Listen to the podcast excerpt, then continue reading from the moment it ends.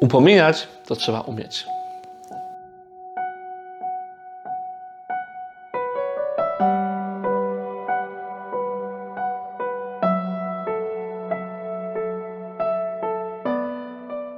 Ostatni temat, który y, chcę poruszyć w tym sezonie, y, jest temat przesłany przez Was, oczywiście, e, a brzmi on tak. Mieszkanie z chłopakiem, dziewczyną, u członka najbliższej rodziny w środowisku mocno katolickim. Co powiedzieć tym osobom, co tak robią? Trzeba przyznać, że z tematem, o którym będziemy dzisiaj mówić, spotykamy się tak naprawdę e, na co dzień. Może nie jestem konkretnym, ale ogólnie rzecz biorąc kwestią upominania. Bo to nic odkrywczego, że ludzie nie zawsze żyją e, w zgodzie z Bogiem, nie zawsze e, żyją idealnie według przykazań i własnego sumienia.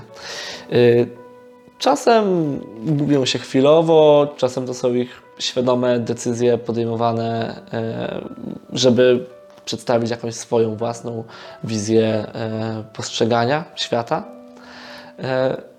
No i my, jako chrześcijanie powinniśmy na to odpowiednio reagować. Jednak to, co jest bardzo ważne, to jest to, że musimy na to reagować mądrze, bo nieprzemyślane działanie może przynieść więcej szkody niż pożytku.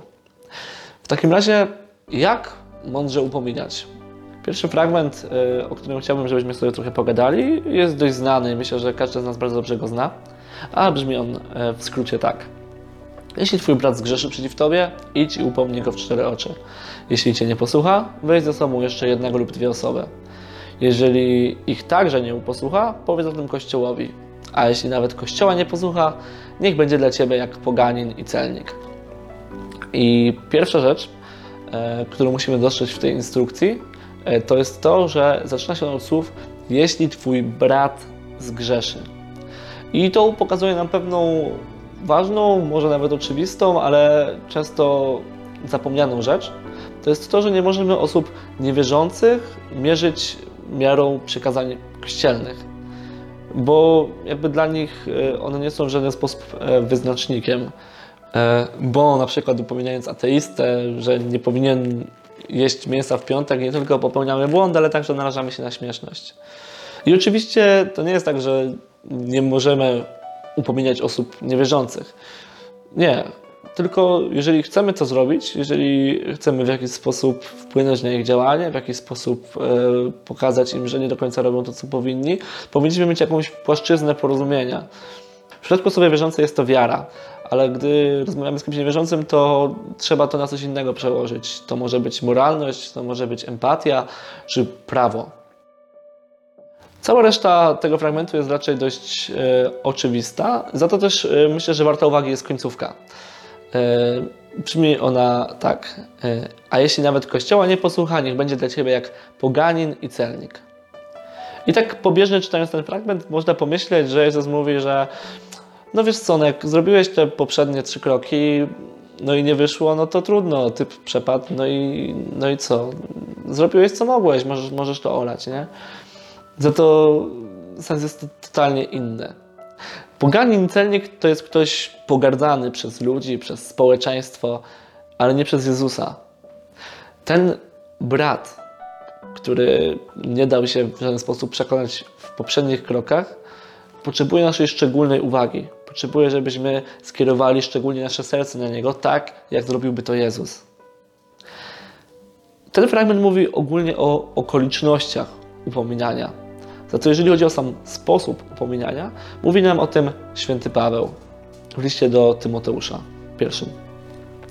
Człowieka starszego nie upominaj surowo, lecz zachęca jak ojca, młodszych jak braci, starsze kobiety e, jak matki, a młodsze jak siostry z wielką skromnością.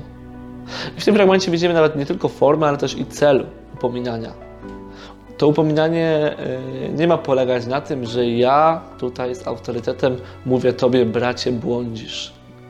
Nie. To ma być pewnego rodzaju zachęta. Ono nie ma wynikać e, z mojej pychy, ale z troski o tą drugą osobę. I te słowa świętego Pawła są dla nas świetną taką weryfikacją, e, skąd to moje upominanie się bierze. Gdy ja nie wiem, czy dobrze kogoś upomniałem, czy chcę kogoś dobrze upomnieć, to powinienem się zastanowić, Czy ja tak bym y, upomniał moją mamę? Czy ja surowo napominam, czy zachęcam, tak jak mojego tatę?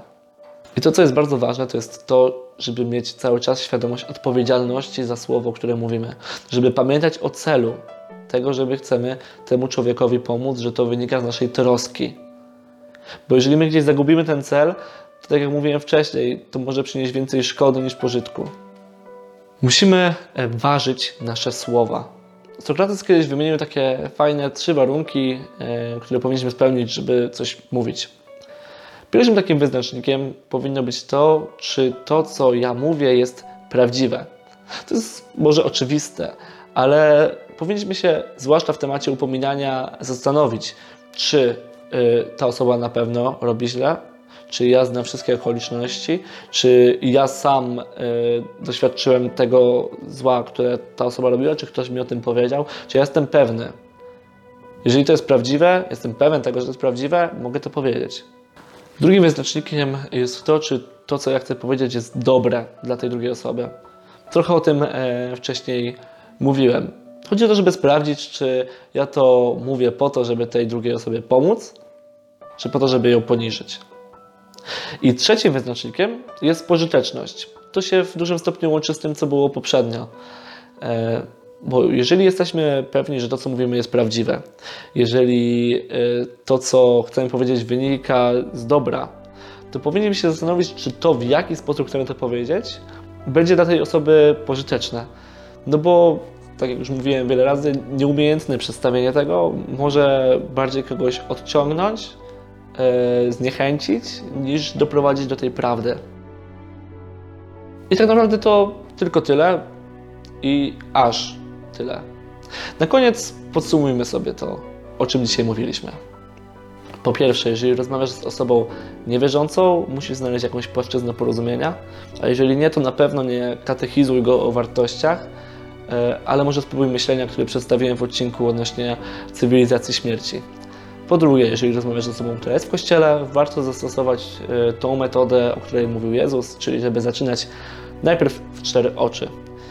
E, po trzecie, jeżeli e, żaden z tych kroków z wcześniejszego punktu nie zadziała, to nie olewaj danej osoby i niech nie będzie dla ciebie wrogiem, ale właśnie szczególnie skieruj serce na tą osobę.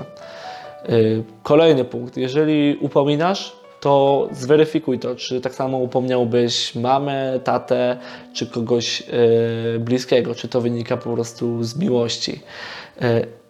I ostatni punkt. E, jak cokolwiek chcesz powiedzieć, przesiej to przez te trzy sita Sokratesa, czyli sito prawdy, sito dobra i sito pożyteczności.